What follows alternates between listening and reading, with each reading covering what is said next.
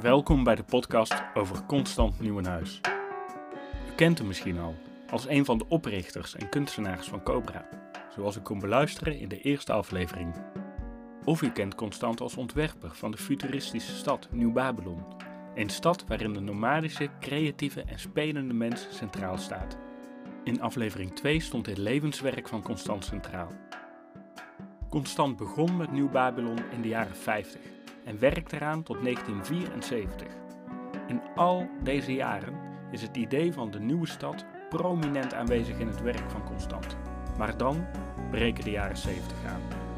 Een tijd waarin het grote publiek ineens geconfronteerd werd met bewegende beelden van de oorlog in Vietnam. Daarvoor bleef het toch bij zwart-witte krantenkoppen en foto's. Toen Amerika, bang voor het communisme dat ze zijn, bommen gooide op Vietnam, braken wereldwijd protesten uit.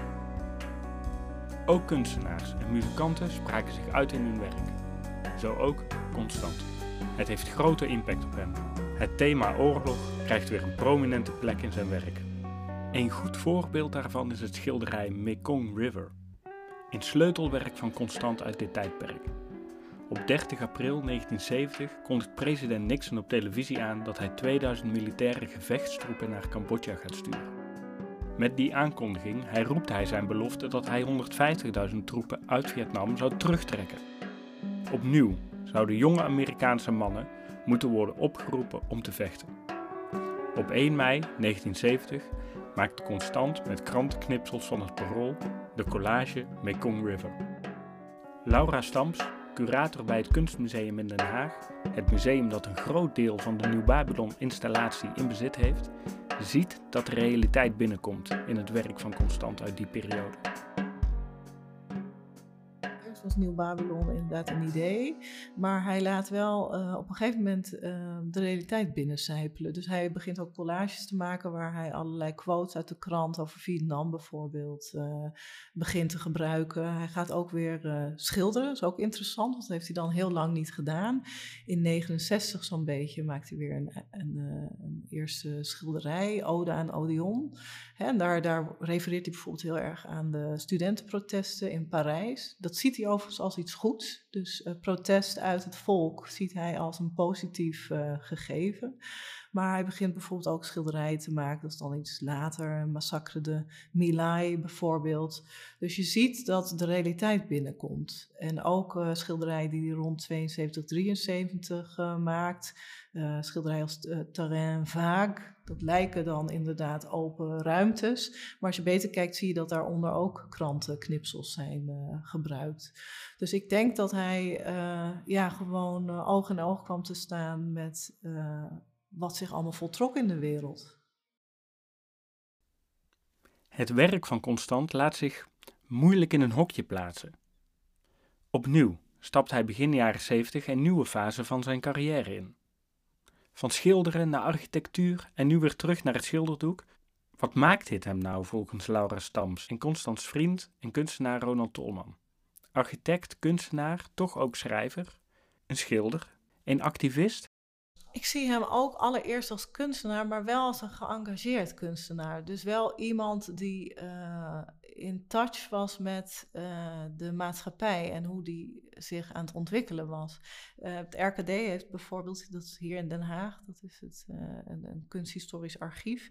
En die heeft bijvoorbeeld van hem alle knipsels die hij heeft verzameld uit kranten.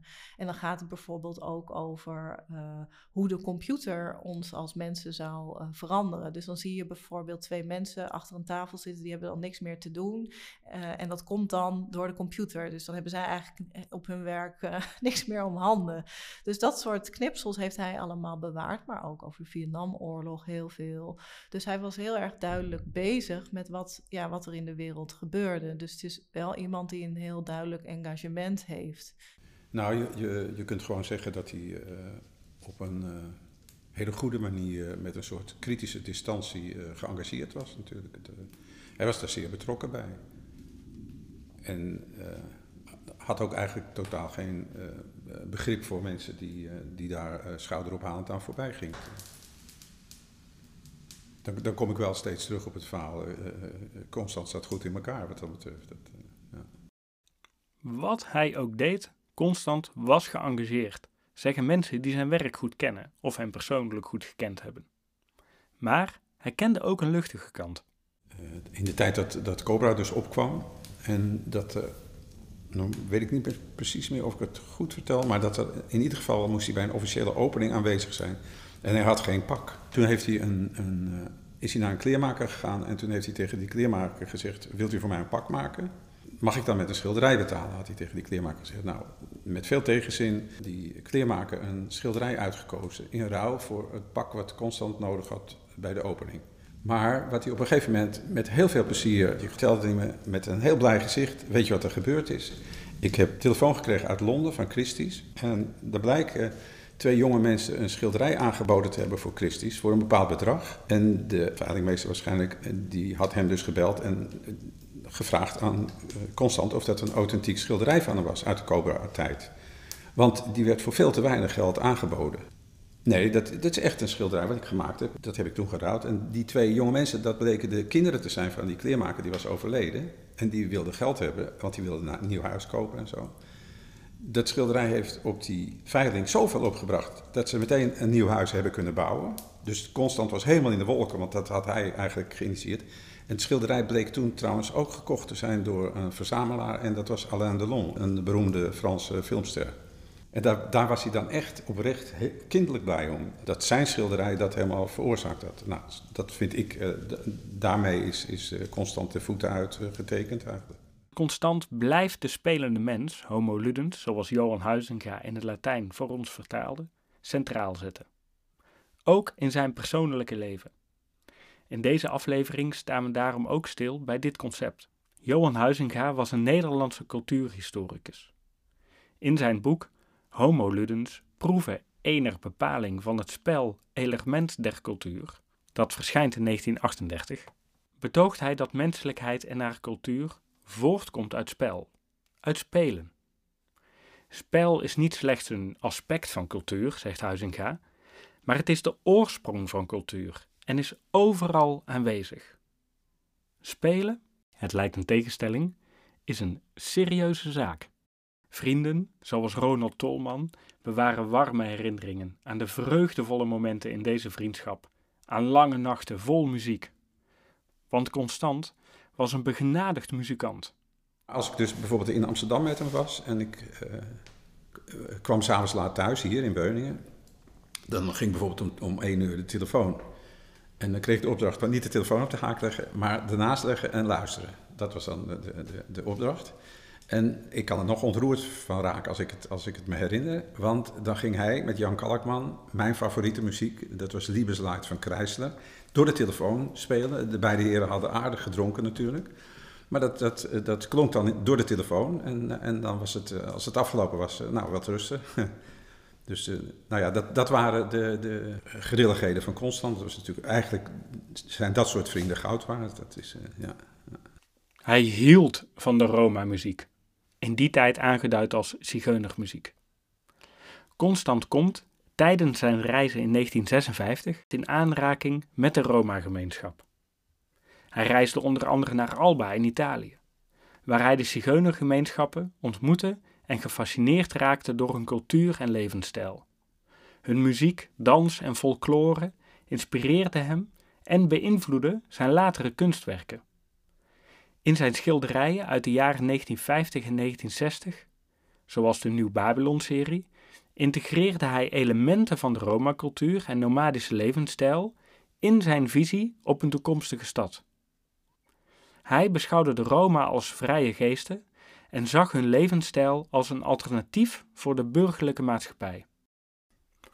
Ontmoet Alex Timmerman, een muzikale vriend van Constant net als vriend Ronald Tolman, een stuk jonger dan Constant. We bezoeken hem in Zwolle. Alex Timmerman speelt en doseert gitaar, maar vooral ook mandoline, een Zuid-Europees snaarinstrument. Eindeloos kon hij met Constant praten over deze instrumenten. En vooral ook samen spelen. Herinnert hij zich hoe hij Constant leerde kennen? Ik denk dat het vlak na mijn afstuderen was, dus uh, dat zal een tachtige jaren geweest zijn dat ik uh, via mijn docent Pieter van der Staak, uh, die ook dezelfde interesse had, hè, oude instrumenten, oude gitaren.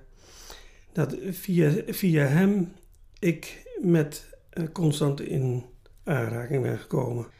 Dus toen ik in, in het conservatorium, op het conservatorium in Zwolle studeerde, toen bracht Pieter mij op het idee om ja, misschien ook hè, die interesse voor instrumenten uit te breiden en mensen te ontmoeten die grotere collecties hadden in Nederland. En daar was Constant er dus één van. Ik denk, Constant zijn interesse was denk ik aanvankelijk uh, voor de viool. Maar ergens moet er iets zigeunerachtigs in, zijn, in, in hebben gezeten. Dat zie je in zijn hele leven wel als, als draad. Uh, dat je zou kunnen zeggen, nou, het is toch die zigeunerlijn die maakt dat hij in ieder geval draagbare instrumenten zoveel mogelijk uh, leuk vond, mooi vond. En dan zie je dat, uh, ja, gitaar hoorde daarbij. En hij vond het leuk om daarop te improviseren. Dat deed hij op de viool ook. Ik heb hem nooit noten zien lezen. Misschien kon hij dat wel, maar dat is iets wat niet aan de orde was. Absoluut niet. Dus uh, alles ging uit het hoofd en direct op de snaren. En zo kon hij voortreffelijk gitaar spelen. Ja. De herinneringen van Ronald en Alex en de vriendschap met Constant zijn warm. Gesprekken waren diepzinnig, vertelt Alex. En als makers onderling werd er vaak samen gecreëerd. In de eerste aflevering hoorden we al dat Ronald en Constant samen etsen maakten terwijl ze aan het schaken waren. Ronald Tolman blikt met ons terug op de eerste keer dat Constant bij hem op bezoek kwam in zijn atelier aan de Waal. Ja, de, de eerste ontmoeting hier was eigenlijk heel curieus, want er lag een hele grote etsplaat en daar zat een gewone etsgrond op. En die ets heb ik gemaakt met een, met een mes toen. Hij, hij, was verbaasd aan het rondkijken hier en etsen, dat had hij altijd wel gedaan, maar dat kon hij eigenlijk zelf niet, de techniek. En daar had hij altijd mensen voor die hem daarbij hielpen. Maar daar lag die hele grote plaat. En hoe het precies gekomen is, weet ik niet. Maar hij zei van, als je een portret kan maken, moet je gewoon een portret van me maken. En hij heeft uh, zitten poseren alsof hij altijd poseerde. Dat heeft hij dus nooit gedaan. En ik, met een soort brutaliteit, ging een portret van hem maken. Alsof ik wekelijks een portret van iemand maakte. Ik had dat nog nooit gedaan. Hij rookte toen nog in die tijd en hij vroeg of ik een klein sigaartje had. In die tijd had ik hier ook varkens en schapen en zo. Voor de, de, de veehandelaren had ik dan dikke sigaren uh, liggen, met zo'n die ouderwetse met een bandje eromheen en zo. Dus ik had één zo'n dikke sigaar nog. En die heeft hij op zitten roken. Al maar naar buiten starend. En ik heb dat portret van hem gemaakt. Dat was de eerste keer dat hij dus hier was gelijk. En door iemand anders is dat portret toen als ets gestuurd naar de portrettenbiennale in Tuzla, in, in toenmalig Joegoslavië. En daar heb ik een eerste prijs van de portretkunst gekregen. Ja. Ik heb constant altijd meegemaakt als altijd heel intens en heel erg serieus. En natuurlijk kon je lol hebben en kon je lachen. Maar het was ook vooral gewoon heel erg geconcentreerd en uh, dat wat je deed, met volle overtuiging doen. Dus heel, heel erg passievol, zeg maar. dus het ging altijd dieper dan, uh, dan oppervlakkig even iets kletsen of zo. En dan, dat was altijd een gitaar, dus ik hoefde nooit iets mee te nemen. En dus ik, ik kon gewoon die gitaar pakken en dan ging ik wat spelen en constant vond het prachtig. En dan, dan werkte die gewoon, of hij zat te luisteren. En Tikus, zijn hond, die zat erbij. En die mocht ik ook graag, dus dat is uh, helemaal te gek. Tikus was altijd bij hem. Ja, dat was gewoon, was gewoon bijzonder, kan ik wel zeggen. Muziek, dat was uh, zijn leven. En uh, dat, uh, hij vond dat ook, zijn gitaarspel, zijn cymbaalspel, dat, vond hij ook zijn violon d'ingere. Dus de, de, het, het, het meesterschap wat hij naast zijn meesterschap als kunstenaar had. Hij had ook een hele aparte manier, bijvoorbeeld om gitaar te spelen. Dan, dan trok hij een soort uh, vogelsnuit en hij keek recht omhoog. En de, de steel van zijn gitaar die stak recht om, omhoog. En uh, hij bekommerde zich om niemand meer, maar hij zat helemaal in de muziek. Constans liefde voor muziek zegt veel over zijn veelkleurigheid, over zijn hang naar een nomadisch bestaan. Hij geeft Roma-muziek een prominente plek in wat hij speelt en wie hij ontmoet.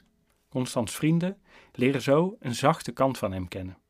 Ik zag een Constant die bezig kon zijn met de geneugde van het leven. Hè? Dus als uh, Pepe Romero kwam uit Amerika en die gaf bij ons een cursus in Zwolle en Constant was er ook, dan, dan was het plezierig.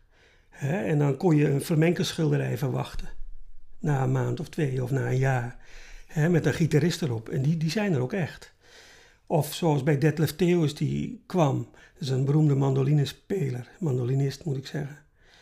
En een paar maanden later was daar Detlef Theus. Niet exact nageschilderd, dat was niet zijn bedoeling. Hij wilde die impressie geven van een spelende mandolinist. En dat was wel leuk natuurlijk, hè? Dat, je, dat je ziet van dat beïnvloedde hem wel. Alex Timmerman vindt in zijn archief nog oude opnames van een jam-sessie. U hoort Constant musiceren samen met vrienden. Dit vond plaats in het atelier van Constant.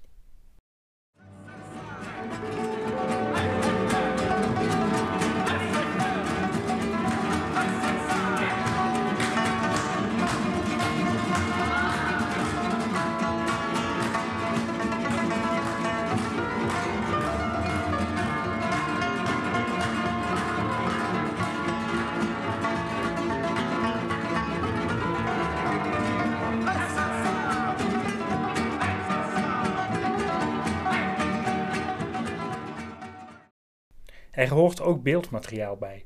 Dit kunt u zien op de website van stichtingconstant.nl. Wij zijn Alex natuurlijk dankbaar voor dat hij dit fragment heeft teruggevonden. Zo ook de maker ervan. Die hebben we alleen niet weten te achterhalen. Mocht u nou meer informatie hebben hierover, neem dan vooral contact met ons op. Een van de meest veelzeggende fragmenten over Constant als vriend is de herinnering van Ronald aan zijn 43ste verjaardag. Luister maar. Ik heb hier dus uh, mijn 43ste verjaardag gevierd. Ooit. En uh, dat was, was hier helemaal vol met, met vrienden en, en gedoe. En toen s'avonds om een uur of tien, elf, werd er gebeld. En toen kreeg ik het verjaardagscadeau van Constant. En dat was een oude Volkswagenbus die voor de deur stond. En daar stapte een stel uh, Roemeense zigeuners uit. Met instrumenten. Die spraken geen enkel ander woord behalve hun eigen Roemeens. En die hebben hier in de hoek. Ik had dus zelf uh, jongens uit Amsterdam uitgenodigd van een kletsmarband, dus uh, Jiddische muziek. En dat gaat ontzettend goed samen met, met ook. Nou, die hebben hier ongeveer de dakpan van mijn atelier afgespeeld. En dat was de, de geste van Constant bijvoorbeeld ook weer. Als makers zien we graag de spelende mens in Constant terug. Zien we daar nu Constant als spelende mens? Is dit nu wat hij bedoelde met die homo ludens? Constant als muzikant, was absoluut speels. Maar de parallellen met de homo ludens in volle wasdom, zoals Johan Huizinga beschreef bijvoorbeeld, dat gaat wat te ver. Hoe kijken Alex Timmerman en curator Laura Stams naar Constant als spelende mens? Ik weet niet of je dat zozeer als, als de spelende mens moet zien. Ik denk dat je het meer zo moet zien, het is betrokken zijn met. Dus je bent als mens iets aan het doen. Dat doen is voor constant belangrijk. Het is niet zozeer het spelen, het is gelukkig zijn met datgene wat je doet. Nou, dat, dat is wat het is. Dat is met zijn schilderkunst ook. Ik denk nooit dat hij die schilderkunst als werk heeft gezien. Zo is het op mij nooit overgekomen. Voor constant was dat spelen. Spelen met kleuren, spelen met zijn penselen, het gevoelsmatige. En ook Nieuw Babylon, het bezig zijn met stokjes en met uh, gaarsjes of met ijzertjes of weet ik veel. Dat was peuteren. En dat is wat hij leuk vond. Ja, een kunstenaar is natuurlijk wel een spelende mens. Want een kunstenaar, die, uh, en zeker zo iemand als Constant, die, die maakt dingen ook uit een innerlijk moeten. En ik geloof zeker dat uh, Constant dat deed. Uh, hij is ook tot, tot het laatste is hij blijven schilderen bijvoorbeeld. Ik denk dat hij ook gewoon niet anders kon. Uh, en bijvoorbeeld in die maquettes, ik heb daar opnames van gezien, uh, hoe hij daar uh, in zijn atelier aan het werk was, maar ook buiten hè, op een plaatsje. En dan zie je zijn zoon die meewerkt, maar ook andere mensen. En dan drinken ze gezellig een biertje en dat zetten ze erop. En dat heeft, een, ja, dat heeft voor mij wel een hele losse, expressieve kracht. Dus ik denk in die zin was hij wel een spelende mens, maar het is natuurlijk wel iemand die heel erg verknocht was aan zijn vaste uh, werkplek bijvoorbeeld. Was niet, zelf niet iemand die continu de hele wereld rondreisde. Niet dat hij nooit eens ergens heen ging. Maar ik denk wel dat hij erg verknocht was aan, uh, aan Amsterdam bijvoorbeeld. In deze aflevering zagen we Constant in een nieuwe fase van zijn leven. De woele jaren 70 in oorlog in Vietnam, wat aanleiding gaf voor veel protestkunst. De periode staat in schril contrast met de spelende mens. De realiteit van het bestaan kon ook constant niet ontkennen. En toch blijft hij werken aan een betere wereld. Hij blijft maatschappelijk geëngageerd. Dat is vandaag de dag nog steeds relevant, zegt Alex Timmerman. Aan de andere kant zie je dat de betrokkenheid van Constant met wat er om hem heen gebeurt, aan mensen die ontheemd raken, die op, op weg zijn naar een nieuw land of zo, hè, zeg maar, die zie je terugkomen. Of mensen die geëxecuteerd worden door een of ander regime. Want je ziet op zo'n schilderij, zie je gewoon mensen met een geweer staan die iemand anders uh, dus ombrengen. Dus een betrokkenheid bij, bij wat er in de wereld gebeurde aan onrecht. Wat we nu op de televisie weer zien. dat mensen uh, bij de Wit-Russische Poolse grens hebben. En die, die, vluchtelingen daar staan. Nou, dat is precies Constance schilderij. En hij, uh, de titel is zoiets van uh, ontheemde mens.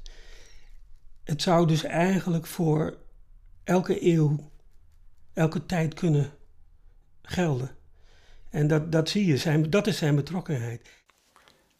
We sluiten af met een boodschap van architect en voormalig rijksbouwmeester Floris Alkemade. U hoort hem opnieuw in de vierde en laatste aflevering. Want hij ziet ook nog iets anders, wat naadloos aansluit op de filosofie van de Homo Ludens, die deze aflevering centraal stond. Want het enige dat ons echt onderscheidt van machines, van techniek, van industrialisering, is onze aanleg om te spelen. En juist daarom hecht Constant hier zo'n groot belang aan, in zijn zoektocht naar relevantie, naar hoop, naar een groter doel. Maar het is natuurlijk in zijn, uh, zijn periode, direct na de oorlog ook, uh, was er ook een soort beeld hè, van uh, de opkomende industrialisering gaat heel veel veranderen. Je hebt dat, uh, dat beroemde boek van, van Gideon, Mechanization Takes Command. Hè, van de mens is dadelijk niet meer aan zet, maar de machines gaan het spel uitmaken. Dus ik denk in die zin dat Constant ook wel onderdeel was van een soort cultuur die, die met heel veel argwaan keek naar oké, maar wat doen de machines en wat doen wij? Maar ik vind het intrigerende van, van uh, wat, Gideon schrijft, maar ook andere denkers, dat waren ook allemaal weer meteen de dystopieën. Van ja, maar jongens, uh, de machines gaan het overnemen en wij staan duidelijk buitenspel. Terwijl constant het in zich had om een stap verder te denken. Zo van, nou, prima toch. Hè? Van, uh, ik weet niet of je het ooit zo gezegd hebt, maar ik interpreteer het zo van, ik wil niks doen wat de machine kan. Hè? En maar wat doe ik dan wel? Hè? En, wat, en dat is natuurlijk waar ook zijn, zijn gedachtegoed aan dat van, van Johan Huizinga gekoppeld is. De spelende mensen, dat, dat is wat ons echt uh, onderscheidt. En laten we dan daar goed in worden. En laten we dat dan ook als een, als een cultuur omarmen. Dus ik denk dat die enerzijds onderdeel was van een tijd, waarin een aantal vragen naar boven kwamen van oké, maar wat als we dan hè, uh, zoveel machines, zoveel industrialisering krijgen. Maar dat hij als een van de weinigen in staat was om ook de stap verder te zetten. Van uh, oké, maar niet zozeer van de focus op wat eindigt er, maar vooral de focus op oké, maar wat voor nieuwe mogelijkheden ontstaan er dan. En, wat, en dat veld uh, te, te verkennen met een zekere uh, enthousiaste, verwonderlijke natuur en nieuwsgierigheid. Dat is denk ik zijn kracht.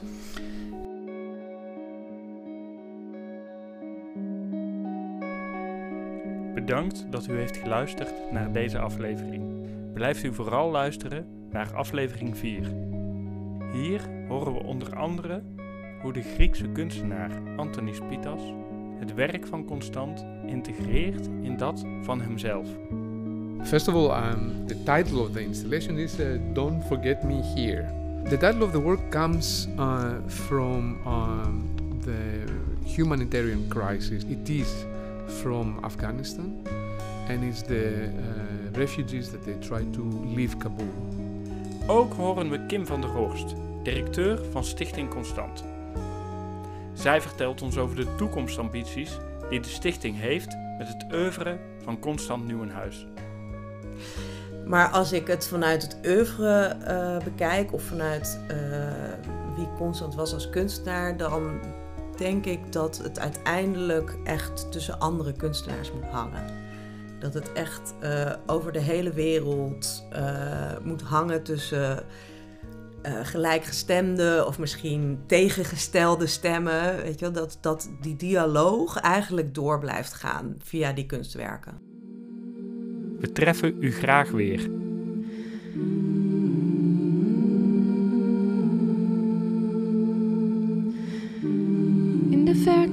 Aan de grijze horizon kruipt een houten rups op palen over zee.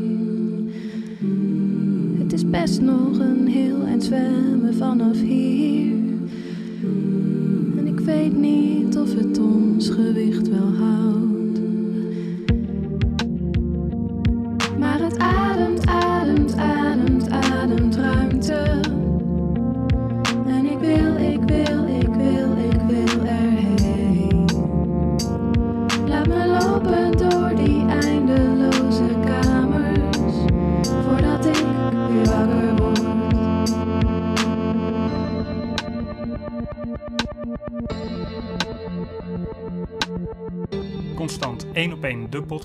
Is een productie van Stichting Constant. Deze was nooit tot stand gekomen zonder de tomeloze inzet van Ans Boersma, die onderzoek deed en de interviews afnam, Thijs van Elten, die de regie verzorgde, de montage en tot u sprak middels deze voice-over. Ook Ed Spil was editor. Kim van der Horst verzorgde de redactie en, samen met Mia Lodder, de factcheck. Het sounddesign is van Freek Dijkstra. Hij speelde deze in met zijn band Neef en gastmuzikanten Madeleine Vlammers, Thomas Gomez, Mozes Schrijvers en Peer. Aafke Romein zijn we eeuwig dankbaar voor haar prachtige soundtrack die elke aflevering afsluit. Daarbij willen we de volgende fondsen bedanken voor hun bijdrage. Amsterdam Fonds voor de Kunst, Ventener van Vlissingen, Gifted Art en Iona Stichting. En uiteraard alle particuliere donateurs.